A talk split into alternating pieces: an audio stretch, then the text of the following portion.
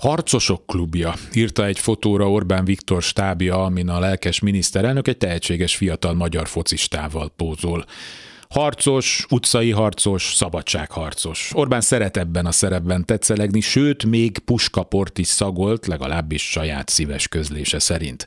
Aztán van az a miniszterelnökünk, aki nem győz galambá válni, és az orosz invázió kezdete óta aggódni a békért. Erre persze minden normális ember vágyik, de nála minden megrohad, amihez nyúl. Ő ebbe öltözteti azt, hogy minden eszközzel kiszolgálja Vladimir Putyin tömeggyilkos rendszerét. Kárpát-medencei héja ilyenkor fehér tollakat növeszt.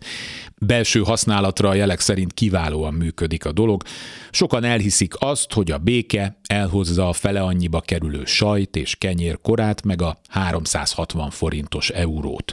Orbán és Rogán jelenleg egy pillanatig nem aggódik amiatt, hogy mi lesz, ha tényleg vége lesz a háborúnak, mert egyrészt sajnos belátható időn belül nem lesz, másrészt azt a helyzetet majd kezelik akkor a hídon. Akkor kell átmenni a döglött lóval, amikor odaérünk. Vagy valami ilyesmi.